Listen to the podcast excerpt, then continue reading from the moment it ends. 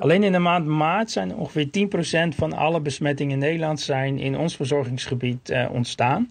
Dus dat was ondenkbaar dat die allemaal in Bernhoven een plekje zouden kunnen krijgen. Dus die zijn in eerste instantie uh, in Bernhoven opgevangen. En toen al heel snel duidelijk werd dat dat niet meer ging passen, zijn ze door collega-instellingen in Brabant opgevangen. Week onderzoekt Maarten Bouwhuis hoe Nederland leeft en werkt in het nieuwe normaal. Dit is Voorbij de Anderhalve Meter. Drie maanden lang draaide alles in de Nederlandse ziekenhuizen om corona.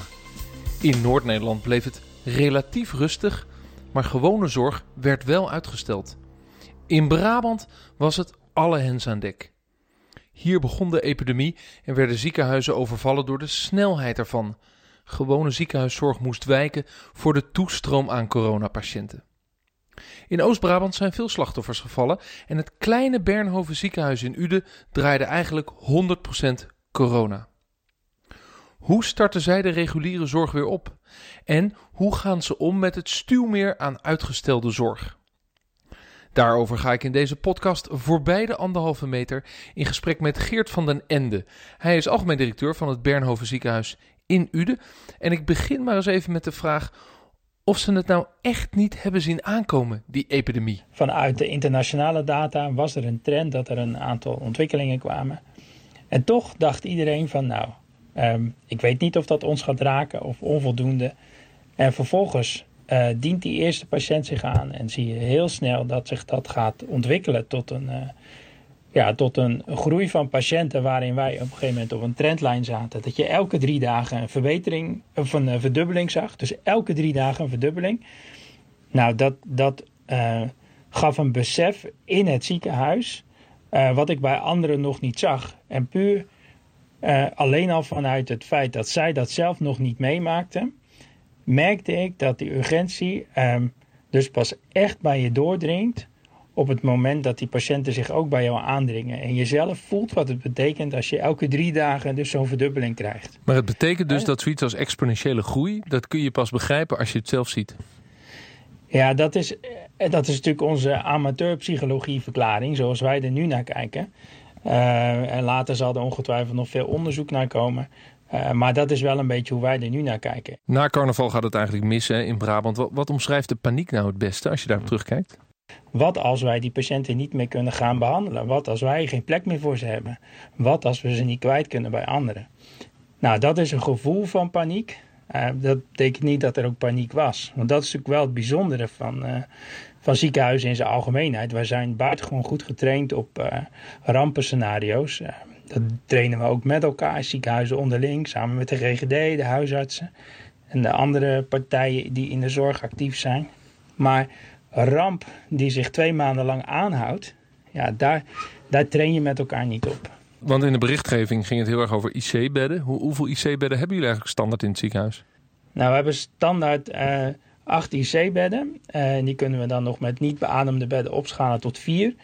Uh, maar in de, in de coronatijd, dus eigenlijk vanuit 8, konden wij opschalen, of zijn we opgeschaald naar 19 IC-bedden. En dat is dan nog, als je naar de grote cijfers kijkt, voor je gevoel ontzettend weinig. Want we zaten aan meer dan 1400 mensen op de IC in Nederland. Uh, dus dat zegt ook iets ja. over de druk die het geeft op een klein ziekenhuis. Zeker. Kijk, en, de, en, dat is de hele discussie rondom IC-bedden. Voor ons ging die discussie niet zozeer over hoeveel beademingsapparaten kun je nou bij elkaar vinden en aansluiten. Maar het ging er ook over hoeveel mensen hebben we dan om op die patiënt te letten. En het gaat natuurlijk niet zozeer om, uh, om zo'n apparaat te kunnen bedienen. Maar je moet vooral die patiënt die aan dat apparaat ligt kunnen bewaken. En dat vereist wel een bepaalde uh, opleidingsniveau. los van de artsen die daar staan. En dat was de grote uitdaging.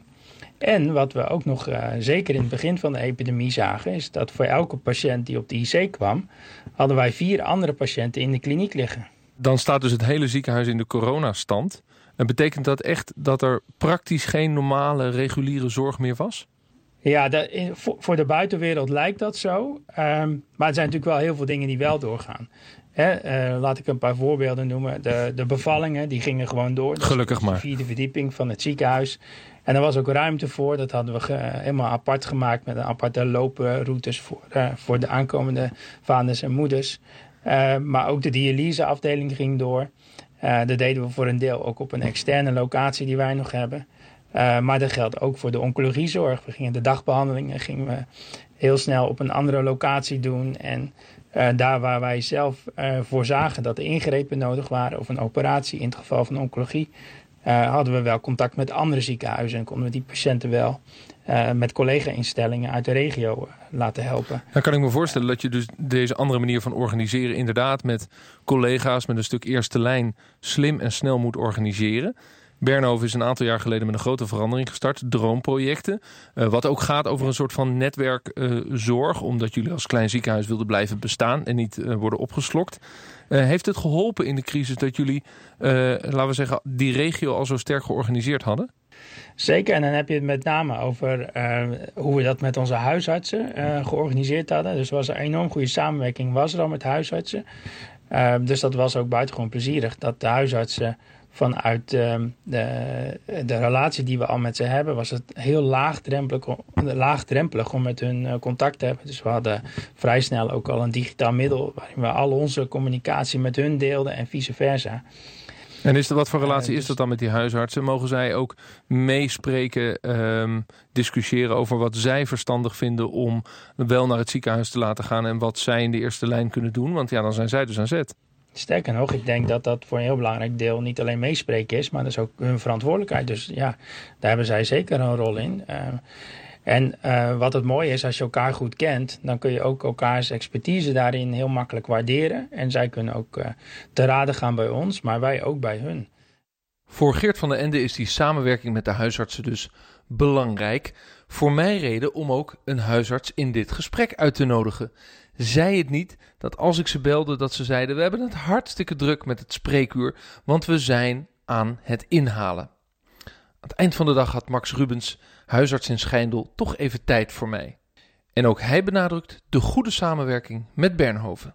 Op het moment dat de, de crisis uitbrak, werden er heel snel zeg maar, communicatielijnen geslagen uh, tussen het ziekenhuis en de huisartsen, zodat we elkaar goed konden informeren. We hadden natuurlijk binnen onze huisartsenwereld uh, de HAROP, het huisartsen ramp- en opvangplan. Dat werd vrij snel geactiveerd, waardoor we uh, in de huisartspraktijk snel konden opschalen.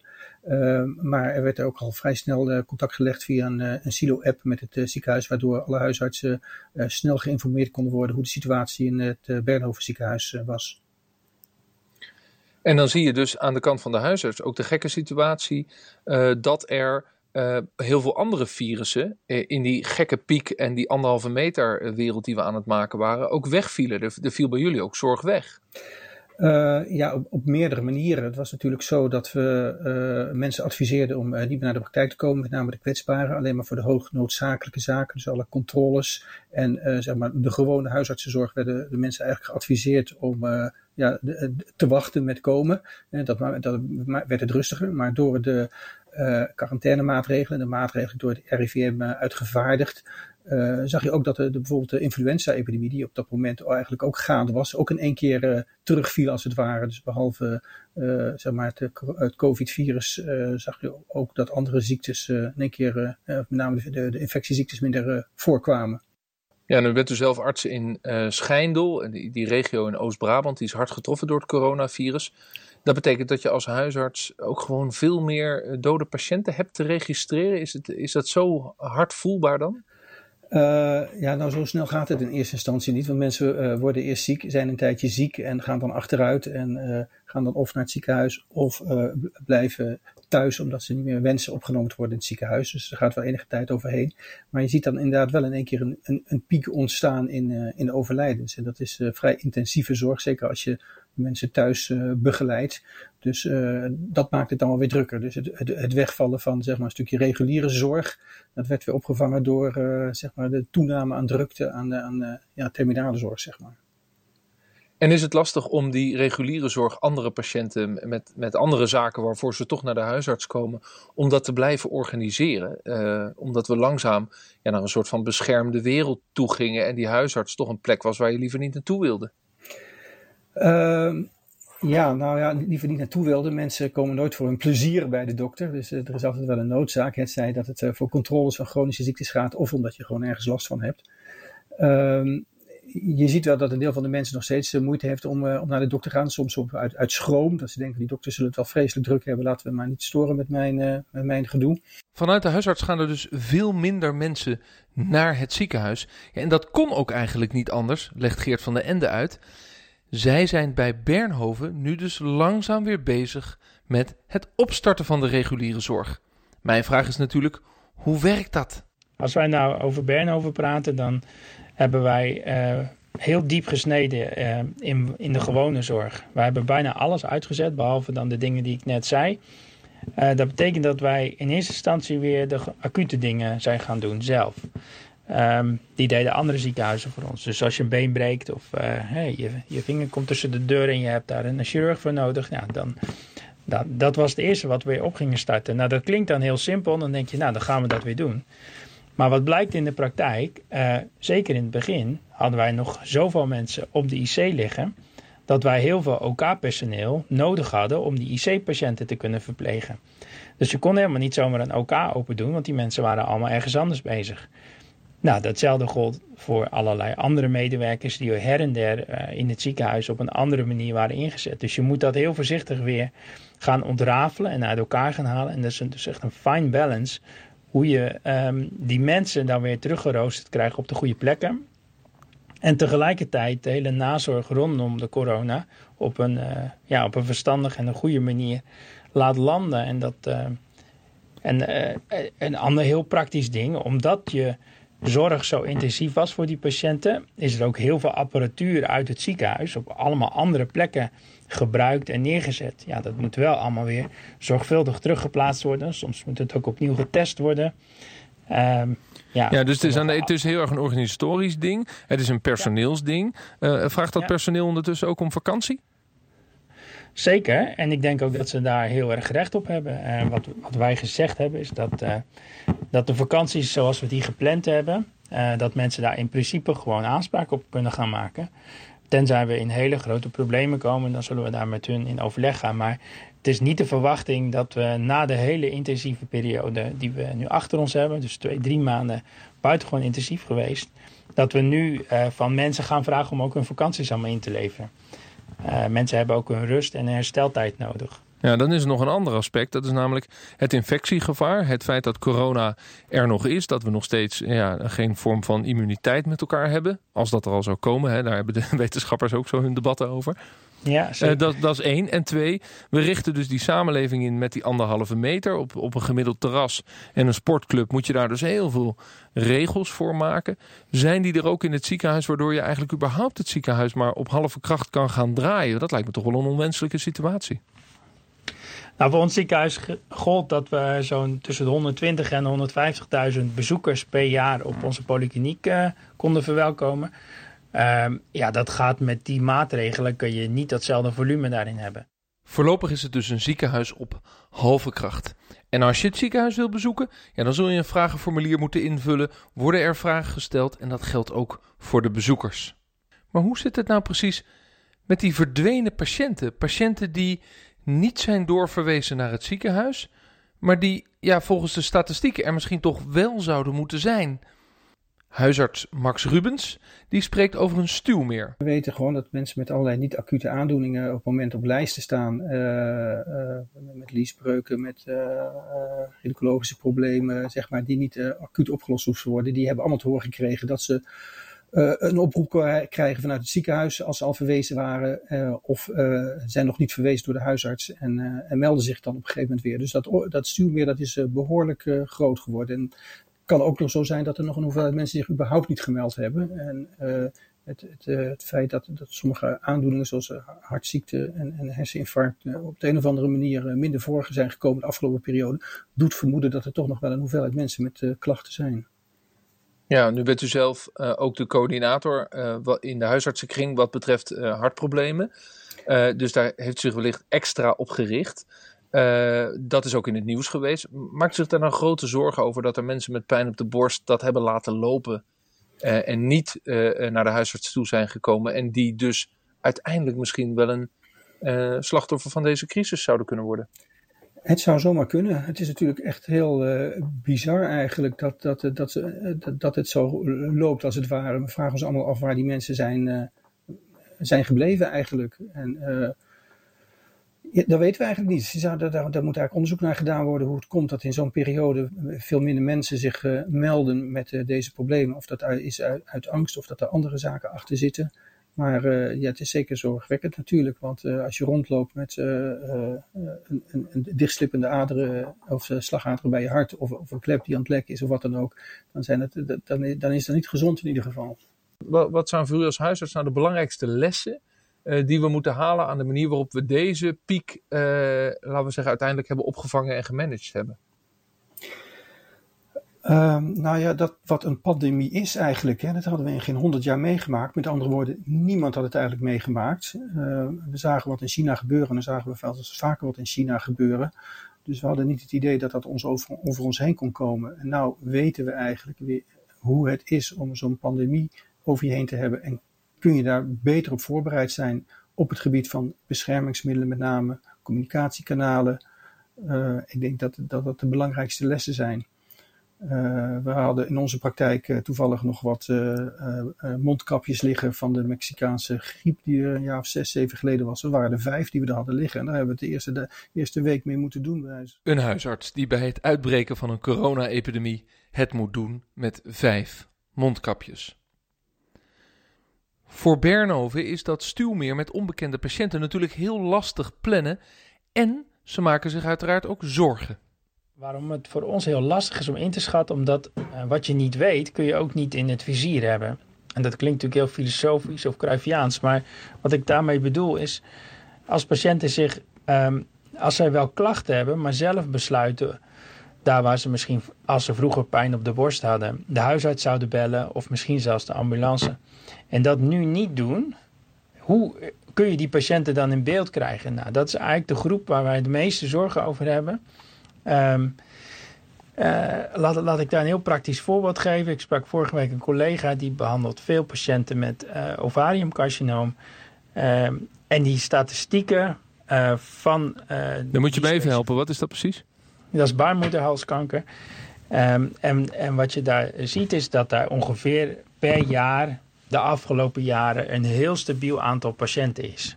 Dus dat is heel regelmatig. Dus je weet vrij goed hoeveel er daarvan zouden moeten zijn. En voor jullie is dat planbare zorg? Dat, nou, in ieder geval um, in, in, in, in, de, in de dialysefase of in, in, uh, in de diagnosefase, excuus, uh, zeker wel. Uh, maar wat wij nu zien is dat ongeveer 30% minder van dat soort gevallen zijn. Nou, dat kan eigenlijk statistisch niet. Dus die mensen moeten wel klachten hebben. Dus die dames hebben klachten. Waar ze normaal gesproken mee naar de huisarts zouden gaan en dan zou daar een vervolgtraject op komen. En dan zouden die gevallen ontdekt worden na de diagnose. Um, wij zien die patiënten niet. Dus statistisch weten we dat ze er wel zouden moeten zijn. Nou, dat is bij cardiologie een vergelijkbaar probleem. Dan gaat het vaak over veel grotere aantallen. Dus dat is voor ons een heel ingewikkeld iets, omdat één, die patiënten staan niet zomaar op onze wachtlijst. Dus we kunnen ze ook niet bellen om te komen naar het ziekenhuis. Die zullen eerst met hun klachten naar de huisarts moeten. Dus het is een ongewis stuw meer. We zien dus ja. dalende cijfers, terwijl we statistisch weten dat patiënten er zijn. Er is ook nog een ander aspect. Dat is namelijk het aspect van de zinnige zorg. We willen zorg bieden aan mensen die dat echt nodig hebben. Jullie hebben daar in de droomprojecten in Bernhoven op ingezet, maar ook een verzekeraar als VGZ is daar al jaren mee bezig. Uh, is dit ook een filter waarin bepaalde onzinnige zorg eigenlijk als vanzelf weg, wegvalt? Dus is een deel van het stuwmeer ja, ook een soort spookpatiënt die, waarvan het maar goed is dat hij niet in het ziekenhuis terecht is gekomen? Nou ja, het zijn natuurlijk nooit spookpatiënten. Dat is wel interessant. Kijk, inderdaad. Kijk, bij Bernhoven hebben wij laten zien. En uh, de, die onderzoeken die, uh, die zouden tijdens de coronaperiode... Zouden, want er zijn wetenschappelijke onderzoeken nu naar gedaan... Uh, door uh, zowel VWS als uh, de NZA als uh, Centraal Bureau voor de Statistiek. nou, die komen nu binnenkort, zullen die uitkomen. Maar je zal begrijpen dat, dat, dat, dat ik nu al kan bevestigen dat de uitkomsten daarvan zijn dat zinnige zorg wel degelijk een effect heeft op je zorgvolume. Nou, nou verwacht ik dus dat binnen Bernhoven, waar we dat al redelijk intensief gedaan hebben, dat daar niet zo'n heel groot aanvullend effect zal zijn. Maar we weten uit de literatuur uh, dat, dat ordegrootte 30%, 25, 30% mogelijk kwalificeert als zorg die niet nodig zou zijn of uh, op een andere manier uitgevoerd zou kunnen worden uh, dan met ziekenhuiszorg. Dus ja, dan kom je in een domein dus van ja, wat gebeurt er met die 30%? Verdampt die? Nou, over het algemeen ontstaat die natuurlijk wel gewoon bij een klacht van een patiënt. Dus een patiënt heeft wel een klacht. Alleen de vraag is wat je ermee gaat doen. De andere kant is natuurlijk, er zijn ook patiënten die niet gezien zijn nu. Dat stuwmeer waar we het over hebben. Ja. Uh, en daar zijn ook slachtoffers te verwachten. Dat is ook heel cru en heel pijnlijk dat deze coronacrisis ja, ook onbekende slachtoffers maakt... die misschien anders geen slachtoffer waren geworden... omdat ze met pijn op de borst niet naar de huisarts durfden. Ja, ja dat, is, uh, dat is natuurlijk wat, wat in de media ook een belangrijke rol speelt. Overigens is dat al vanaf het begin van de crisis hoor, door uh, professionals wel gezegd. Van, uh, het stoppen van gewone zorg gaat slachtoffers creëren binnen andere patiëntgroepen. Deels omdat we ze niet op tijd kunnen zien, deels omdat we gewoon helemaal niet die patiënten meer zien. Dan nog eens even vooruitkijkend. We weten niet hoe deze corona-epidemie verder ontwikkelt. Dat is de grote onzekerheid. Uh, kunnen we eraf komen? Uh, gaan we een vaccin vinden? Komt er een tweede piek? We weten het niet. Um, we moeten ons wel voorbereiden op die ongewisse toekomst.